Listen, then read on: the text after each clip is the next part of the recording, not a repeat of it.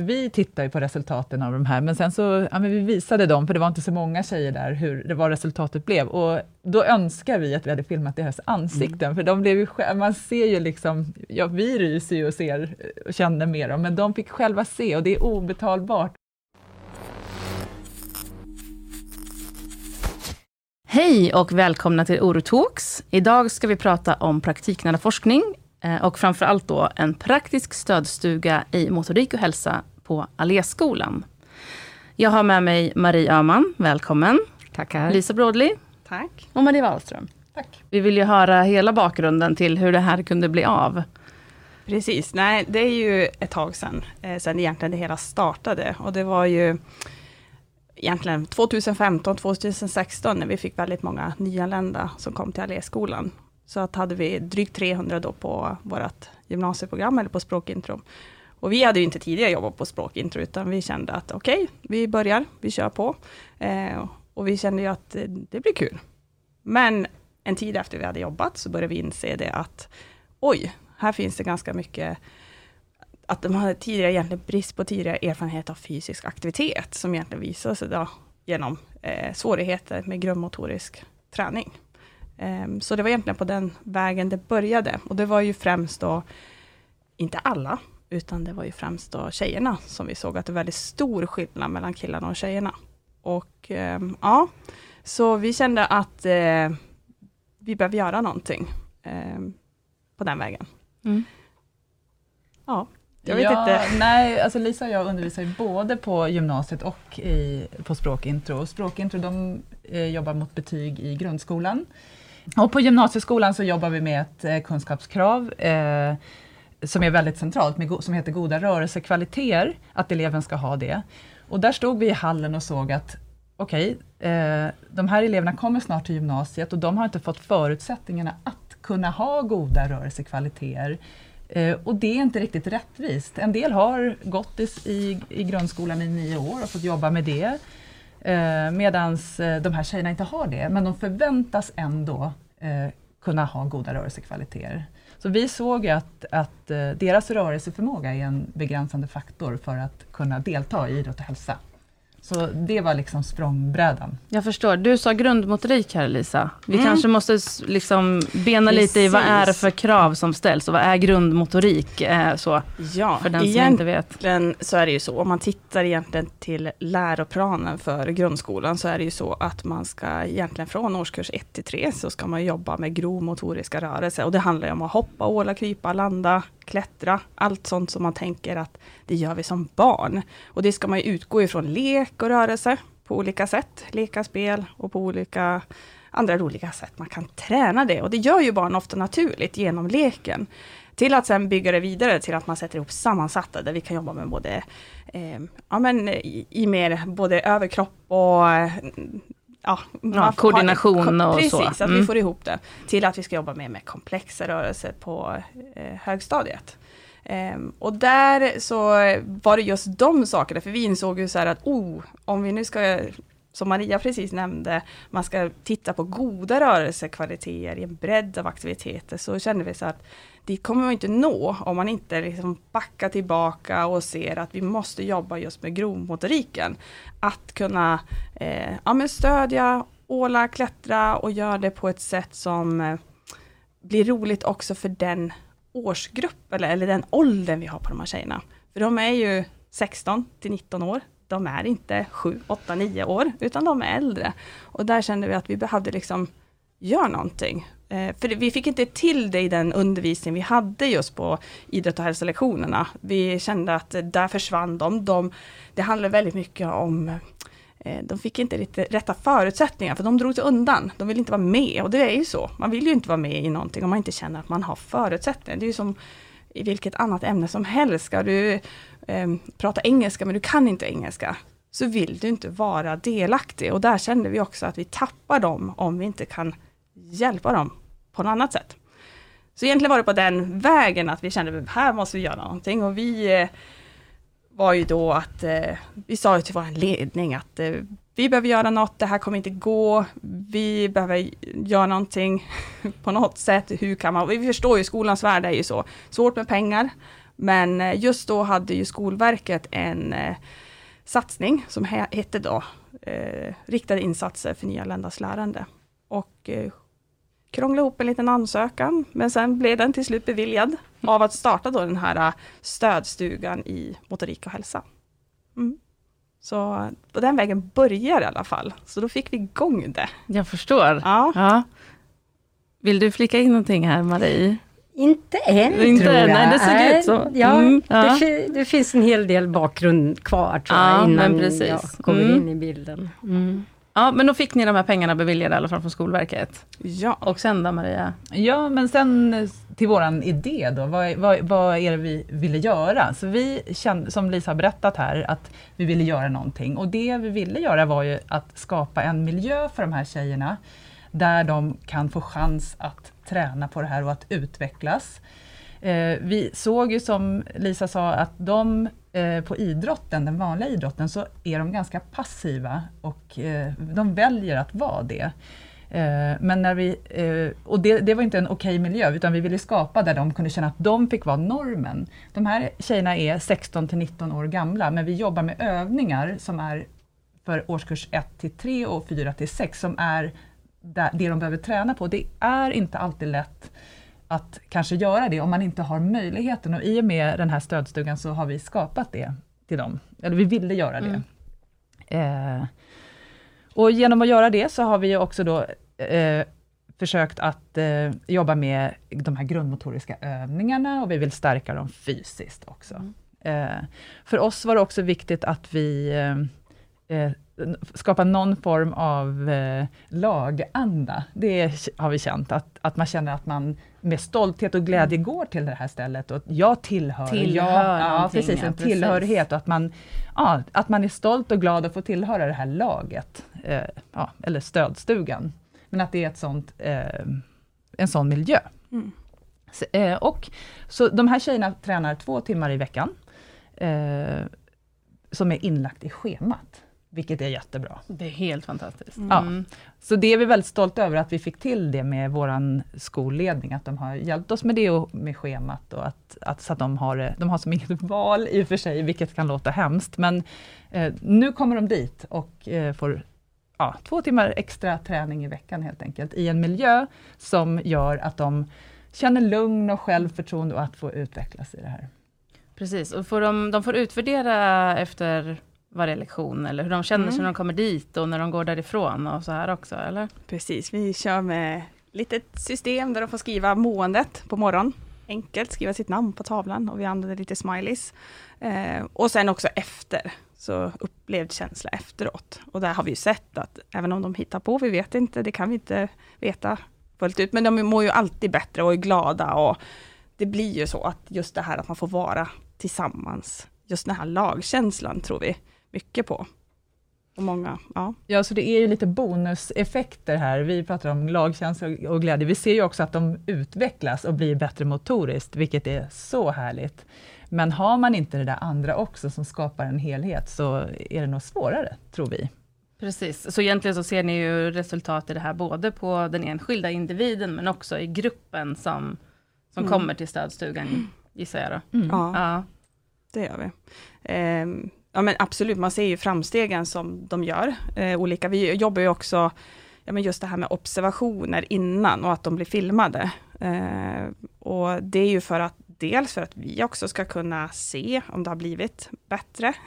Men det är ju också främst för deras egen skull, att kunna liksom se att oj, har det hänt så där mycket på den här tiden, att de blir förvånade själva. Och det i sig ger ju väldigt mycket glädje till dem. Man ser att de tycker det är roligt och att de ändå har sett en utveckling, så är det ju.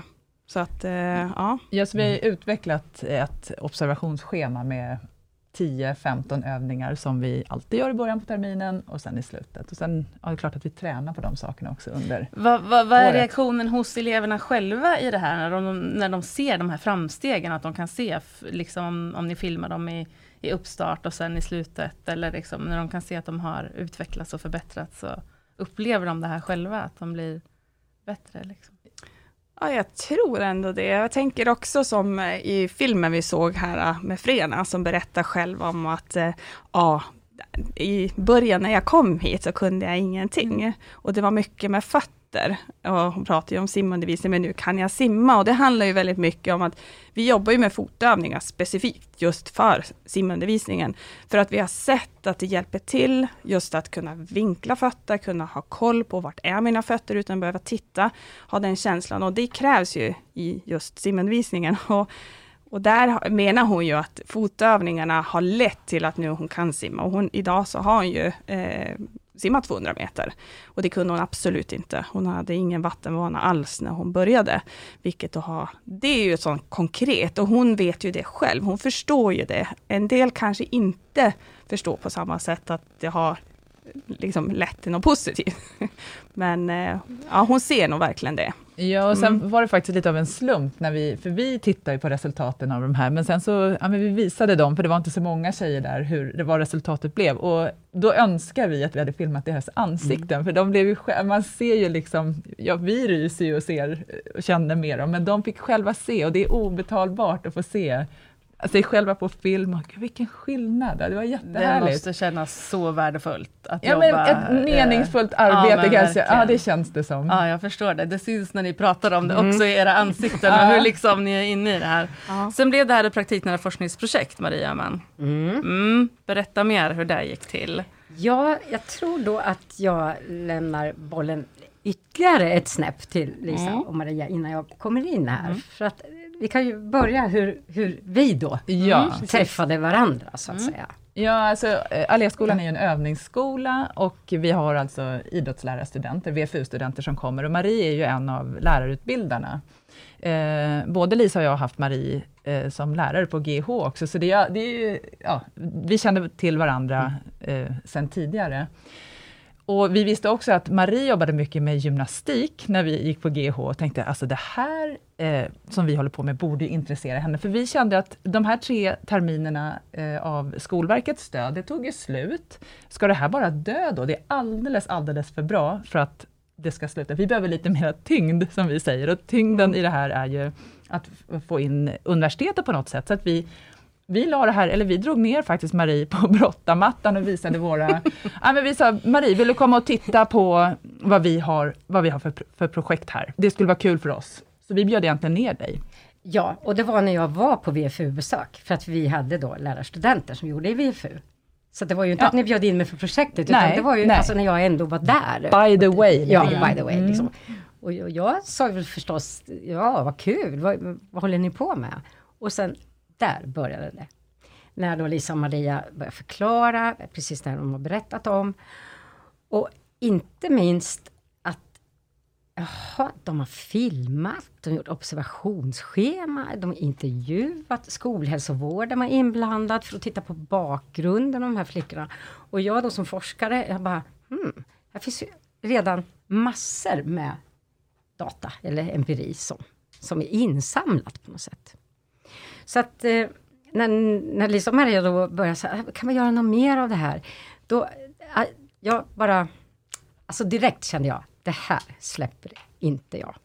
Sen visste jag ju, hade jag inte en aning om hur vi skulle alltså, fortsätta. Men jag förstod ju precis som nej, att här är någonting som är på gång. Det här är något jättebra, det här är något oerhört viktigt. Det var liksom min första känsla i det första mötet. Ja, och för oss naturligt, det är idrottslärarutbildare, mm. Mm. om vi ska prata om att sprida ja. och att kan fler, för fler står inför samma dilemma, ja. det vet vi ju. Mm. Eh, då är det ju ingen bättre än Marie Öhman, tänkte vi. Men det, det, som ska tilläggas här då, för att alltså det här var nytt för mig också. Det, det, var, det, det här forskningsfältet har ju inte jag hållit på med.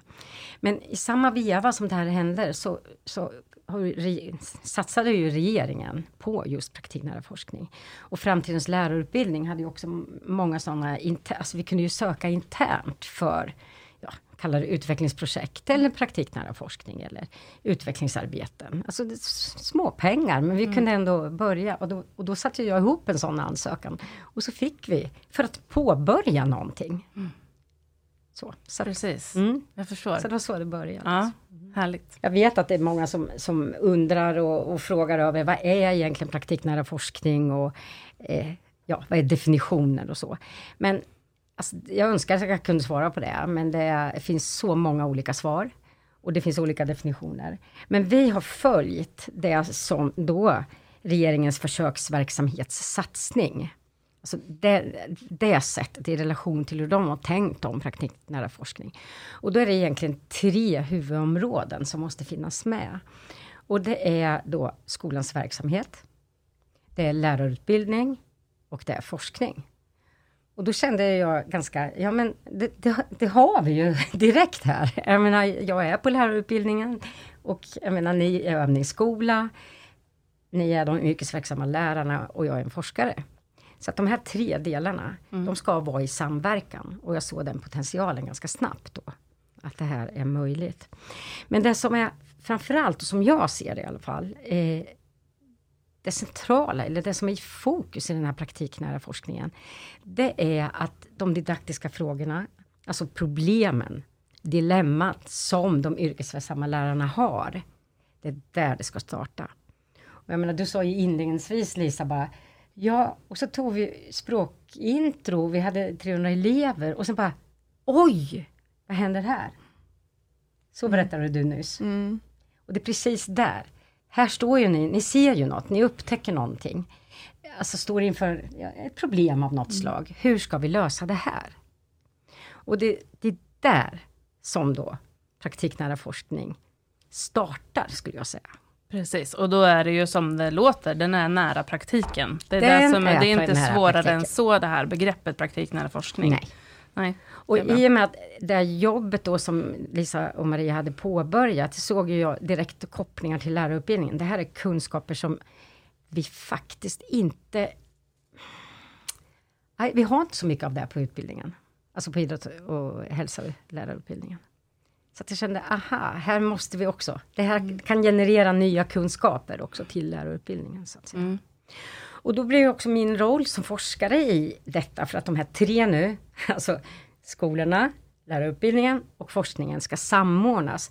Och då blir ju min roll här att alltså på något sätt systematisera och teoretisera där, där de gör.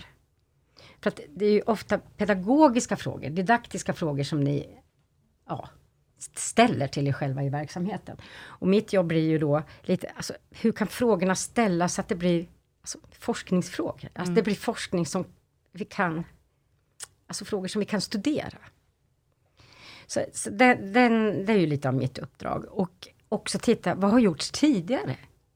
Alltså hur ser forskningsfältet ut? Nyanlända, flickor, fysisk aktivitet, alltså vad, vad, internationellt, vad har man gjort? Så det gäller att göra en systematisk också sån genomgång. Ni har ju också tittat på tidigare forskning en del. Lite sådär. Kanske, ja, jo. Ja. Nej, men, men det, det, var ju lite det också när vi skulle få den här från Skolverket, ja, då precis. var vi tvungna att titta på lite tidigare forskning och styrka mm. våra tankar varför vi vill ens göra det här. Mm. Så vi var ju tvungna att lite titta ja, på det. Lite men, ni på det i alla fall. men som du säger, vi är ju de i verksamheten och det är där, där du kommer in den andra biten just med forskning ja. och ja. Precis, och det var intressant för att när jag började titta på vad, vad har gjorts här? Då kunde alltså, där forskningen internationellt har gjort när det gäller nyanlända och speciellt nyanlända flickor. Mycket är ju också riktat mot ja, specifikt inriktade liksom, religioner och, och så. Men där, där, man visar i relation till skolämnet, eller physical education, då, eller skolämnet idrott och hälsa. Så ja, då har man sett att de flickorna vill inte vara med. Nej, okej, okay. och då har man kommit fram till att det beror på kanske klädsel. Det beror på att man vill inte blanda könen. Det ska vara uppdelat. Det finns olika former av fasta som gör att man kanske inte vill vara med. Alltså, mycket av det har beforskats. Men inte bristande, alltså, grundmotorik. Mera, alltså grundmotorik eller rörelse. Därför att, att de här flickorna har inte haft möjlighet, ofta i sina hemländer, till just som ni sa, lek och spel fysisk aktivitet av olika slag. Det har ju allt ifrån cykla, simma, klättra i träd eller vad det kan vara. Det är en ny, det är en ny kunskap in till forskningsfältet. Jag förstår. Mm. Det är oerhört spännande. Um, men kom, uh, nu tar vi oss in till uh, det självständiga arbetet som gjordes också. Då, ja, just det. Nu när vi pratar om att det här ska också, alltså lärarutbildningen ska vara med i mm. det här. Och ett, ett, ett verkligen önsketänkande i den här satsningen med de helt tre olika huvudområdena. Det är ju också att lärarstudenter ska kunna bli inblandade i ett praktiknära forskningsprojekt. Eller de ska åtminstone få inblick i vad, vad praktiknära forskning kan vara. Och då när vi har studenter som ska börja sitt självständiga arbete på avancerad nivå, då brukar ju vi lärare och forskare eh, presentera vad vi gör på, alltså på institutionen. Vad, har, vad, är, vad är det som är på gång? Vad har vi för typ av forskning? Är det någon som vill, liksom, av studenterna, kliva in i ett projekt och skriva sitt arbete då i relation till det. Uh, och då får de ju anmäla sig och det gjorde Ida-Li Helgeberg. Och, så att hon var ju med ganska tidigt. Och det, det hjälpte mig jättemycket. För då var inte jag ensam härifrån, för då handlade ju jag Ida-Li. Och så kunde vi gemensamt, alltså i hennes uppsats, också se, alltså, vad är det vi ska studera? Vad ska hon studera när det gäller Lisa och Marias arbete? Så att det var en jättebra också början till projektet. Jag förstår det. Mm. Eller det här samarbetet. ja men säga. precis. Och så hade vi en student till, Adem Isak, året därpå, som också skrev om interkulturell kompetens och interkulturella möten. Också då i, lite, kanske inte precis in i projektet, men ändå som snuddar vid det. Jag förstår. Mm. Var, vart har det här tagit er nu och vad, vad händer kring projektet och era resultat och arbetssätt. Och jag tänker att ni måste bli nerringda av andra skolor som vill plocka upp det här, den här typen av stödstuga, Det kan ju inte bara vara liksom på Alléskolan som det här får stanna. Det här behöver ju ut, tänk, tänker jag spontant i alla fall. Ja. ja, men det är väl så vi känner. Vi vill ju så gärna att fler ska få ta del och kunna ha den möjligheten. Men vi vet ju också att i skolans värld så handlar det ju också om ekonomi. Eh, många skolor, eller många skolor, men det har ju varit, nu har ju vi jobbat på våran skola med det här. Och det är väl förhoppningen att kanske fler skulle kunna ta del av det. Eh, just det här att vi vill ju att det ska vara självklart med att man har en stödstuga även i praktiskt ämne som idrott. Att det inte bara blir det här eh, teoretiska ämnen och kunna få hjälp, utan man måste ju också få stöttning. Har man inte fått med sig det från tidigare skolår eller barndom, så att man får också träna på det. Ehm, men um, ja. Nej, och det, känner, det har vi märkt, att det känner fler igen, att det finns ett behov av en praktisk stödstuga. Och nu har ju vi valt den här specifika målgruppen. Eh, det finns ju även på andra, i andra målgrupper, så att säga. Eh, så det, vi är ju inte helt fel ute, det har vi märkt. Sen har det också varit viktigt för Lisa och mig, att inte bara ett projekt som är på vår skola, utan eh, vi vill ju ut till bredare, som Lisa sa, och då tänker vi att kan man vem, ska ha, vem behöver den här kunskapen eller ta del av det här? Det är ju faktiskt idrottslärarutbildning. De kommande idrottslärarna behöver veta det här. Det är därför det är så viktigt och eh, lärorikt och bra att vi har det här samarbetet med, mm. med, med Örebro universitet här. För då kommer det liksom från rätt håll, inte så här, något vi har hittat på själva, utan ja, och då kommer fler, det måste vara fler som får eh, ta del av det helt enkelt. Just det, att man bygger det från grunden, ja, hela arbetssättet och tänket ja. egentligen. Mm. Ja, jag förstår. För ja. man skulle kanske kunna paketera på ett annat sätt och så göra workshops, och det gör vi kanske ändå, men vi vill ja, att det ska komma en, från ett annat håll, så att säga. Mm, jag förstår. Och där vill jag flika in att, att ni har ju redan börjat ändå, eller vi tillsammans har ju gjort det genom alltså RUK, har ju varit en presentation. Lisa och Maria och jag på en liten filmsnutt var med på Skolportens konferens här nu förra veckan. Eh, något webbinarium, vad hade vi mer som du hade sett? Ja det var ju Guldkant, guldkant, guldkant för lärarstudenter som var... Mm, Just det. Precis. Mm. Vi har haft en, en workshop på lärarutbildningen om just det här och, och tittat vad gör vi på lärarutbildningen för aktiviteter och för ja, föreläsningar, litteratur som har med interkulturella möten att göra och så. Så att alltså, mm. det, det, sprids ju på olika sätt. Nästa steg är ju verkligen sprida det till andra skolor på mer in action. Inte bara att vi har föreläst och och berättat om det, utan hur kan vi gå vidare här då? Precis. Jag tänker på det här eh, skolporten som ni var på förra veckan. Mm. Hur, hur tas det emot när ni presenterar en sån här grej? Nej men det var Ja men det var Eller? jättekul just att få komma dit och berätta, för där satt ju just att det är bara idrottslärare och få berätta, och de flesta känner ju igen sig mm. i den här problematiken. Att eh, ja, men det är så många faktorer. Det handlar ju dels om idrottsundervisningen, men många känner just den här simundervisningen, blir den begränsande för också betyg. Eh, så där kände vi att eh, många blir ju så att, eh, men hur fick ni pengar, hur kan vi göra? Och, och just nu har ju vi fått möjligheten att fortsätta just att vi har den här praktiknära forskningen. Eh, och, men det, det är som återkommande hela tiden, skolor, man kämpar och man vet att man behöver resurser och hjälp och sen att få det också. Det är ju där det är svårt, men väldigt, väldigt positivt och just den här igenkänningsfaktorn, att folk känner, det här mm. ser vi ju. Och som Maria sa, det är ju, det är ju många, alltså den här generationen som kommer också från att inte ha lekt. Den generationen kommer ju också upp till gymnasiet som vi undervisar. Man kanske är mer stillasittande, man spelar dataspel, iPad, man är inte ute och leker den spontana leken på samma sätt. Så eh, behovet finns ju. Och, för vi pratar ju också väldigt mycket om det här eh, i det långsiktiga perspektivet. Det handlar ju inte om här och nu Nej, i skolan, precis. utan det är ju för framtiden att de ska känna att om jag ska våga ta del av träningsverksamheter, andra idrottsarrangemang eller någonting att söka sig just till gemenskapen mm. i det. Eller våga gå till badhuset, ha med sina egna barn när, de, när man får det. Mm. Och, eh, och, för det var ju våran tanke väldigt från början. Vi hade väldigt långsiktiga planer på vart vi skulle ta det här också och försöka få in dem i olika lag. Eller, men det har ju stannat här, för vi måste jobba med någonting och fokusera vart vi kan göra någon skillnad. Mm. Så har det varit. Mm. Ja. Men sen också de här idrottslärarna som du frågade om på konferensen där, och det, det handlar ju om som lärare ökad måluppfyllelse. Vi vill att de ska klara kursen. Mm. Så det blir ju väldigt konkret, igenkänningsfaktorn var väldigt stor upplevde vi hos de som satt och lyssnade på skolporten. Mm. Och det är just där, och därför blev det, tog de väl emottaget helt enkelt. Ja. Eh, ja. Jag, ja. Och jag kan säga, det vet inte ni igen, men jag har i alla fall fått fem sms och mail ifrån deltagare på skolporten som var oh, wow, vilket projekt. Och, alltså det här var jättespännande.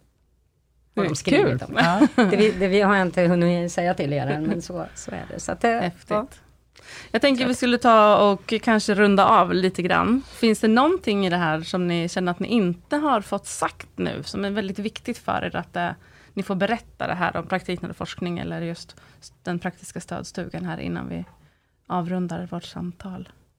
Känns det något, något som ligger och gror någonstans som ni vill ja, alltså berätta för oss? Jag, jag skulle gärna vilja säga att, att det är på gång nu. Alltså att vi ska fortsätta jobba med det här. Alltså, det vi för tillfället jobbar med och vi tror att det här kommer att ja, kunna bli möjligt. Och det är Inger Eriksson som har satt igång något hon kallar för äh, ramprojekt. Där Alléskolprojektet med Lisa och Maria eh, ska prövas på andra skolor. Så att vi gör liksom någon form av modell, ett arbetssätt som ska introduceras på andra skolor och sen försöka studera det, vad är det som händer. Hur långt fram i tiden är det här då Marie? Då skulle det sätta igång eh, hösten 22. Ska vi hålla tummarna eller ska man liksom, ja, va, hur vi. jobbar vi för att få igenom det här? Tänker jag. Vi har ju alltså, det är ju egentligen inte vi som driver på, vi har blivit tillfrågade om vi var, skulle vara intresserade av att vara med och delta i ett sånt ramprojekt som Inger Eriksson kallar det för. Mm. Såklart att ja, ni ville. Det är klart att vi Eller ville. Hur? Så att man ser att det, det, det är ja. möjligt att det kan mm. hända saker. Men det kan jag, jag kan tänka mig att när man gör sådana här saker så att man vill att det ska gå fort och att man vill ha snabba resultat och mm. bara sprida ut det. Men det är såklart att det behöver finnas en systematik bakom för att få det ja. att, att fungera långsiktigt, precis som du mm. sa Lisa. Precis. Sen får man väl inte glömma, tycker jag, om man har sett den här filmen nu, alltså mm. tjejerna själva är så glada och stolta, och när de också fick se filmen och mm. vad de gör för någonting, det är så, eh, vi har jobbat några år, Lisa och jag, vi är erfarna lärare och känner att vilken boost det är att få träffa de här tjejerna och att fler får göra det. Det är lätt att, att glömma bort i, i forskningen, men det är ju mm. därför vi är där. Och det är ja, jättehäftigt att få vara mm. med om deras resa och hur deras förtroende för oss, och, ja, det har blivit en väldigt bra, eh, eller ja, det, det är en väldigt härlig tillställning. Det här. Gemenskap känns ah, det som att du pratar om. Ja, liksom. det är det. Liksom. Ja, och liksom att för att vara lärare, man möter många elever, men här är, finns det någon slags, det är något annat. Mm. Jag vet inte om de... Ja, det känns väldigt lyckosamt och det tycker jag man får lyfta. Deras eh, upplevelser av det här, eh, ja, säger jag nu. Men jo, det, det vad därför, vi läser av dem då. Precis, och där, därför jag också vill bara bekräfta det, för jag har ju suttit där ändå en del gånger och också tittat. Jag har varit med på lektionerna och jag har fått hjälp av de här tjejerna. Tjejerna har hjälpt mig och sådär. Eh, och eh, man känner, man känner det här som Maria berättar om. Alltså det finns där, svårt att sätta ord på men mm. det är en, en jättehärlig värme och en glädje och en entusiasm och trygghet skulle jag säga. Det finns mm. en trygghet i den oro som en av de här flickorna hade med sig från början av att egentligen inte våga röra sig. Eller våga vara med ja. och deltagande. jag kan, att... jag vill, jag vågar jobbar vi med. Det tycker ja. vi är härligt. Mm. Eh, vilka perfekta slutord och vilken fin och skön känsla man fick i magen här. Blir liksom lite varm av och man ser just den här entusiasmen och värmen i era ansikten när ni pratar om det här också. Eh, stort tack för att ni kom hit idag. Jätteintressant att prata med er alla tre. Och vi ses vid ett senare tillfälle vid, med Ortox. Ha det bra, hej!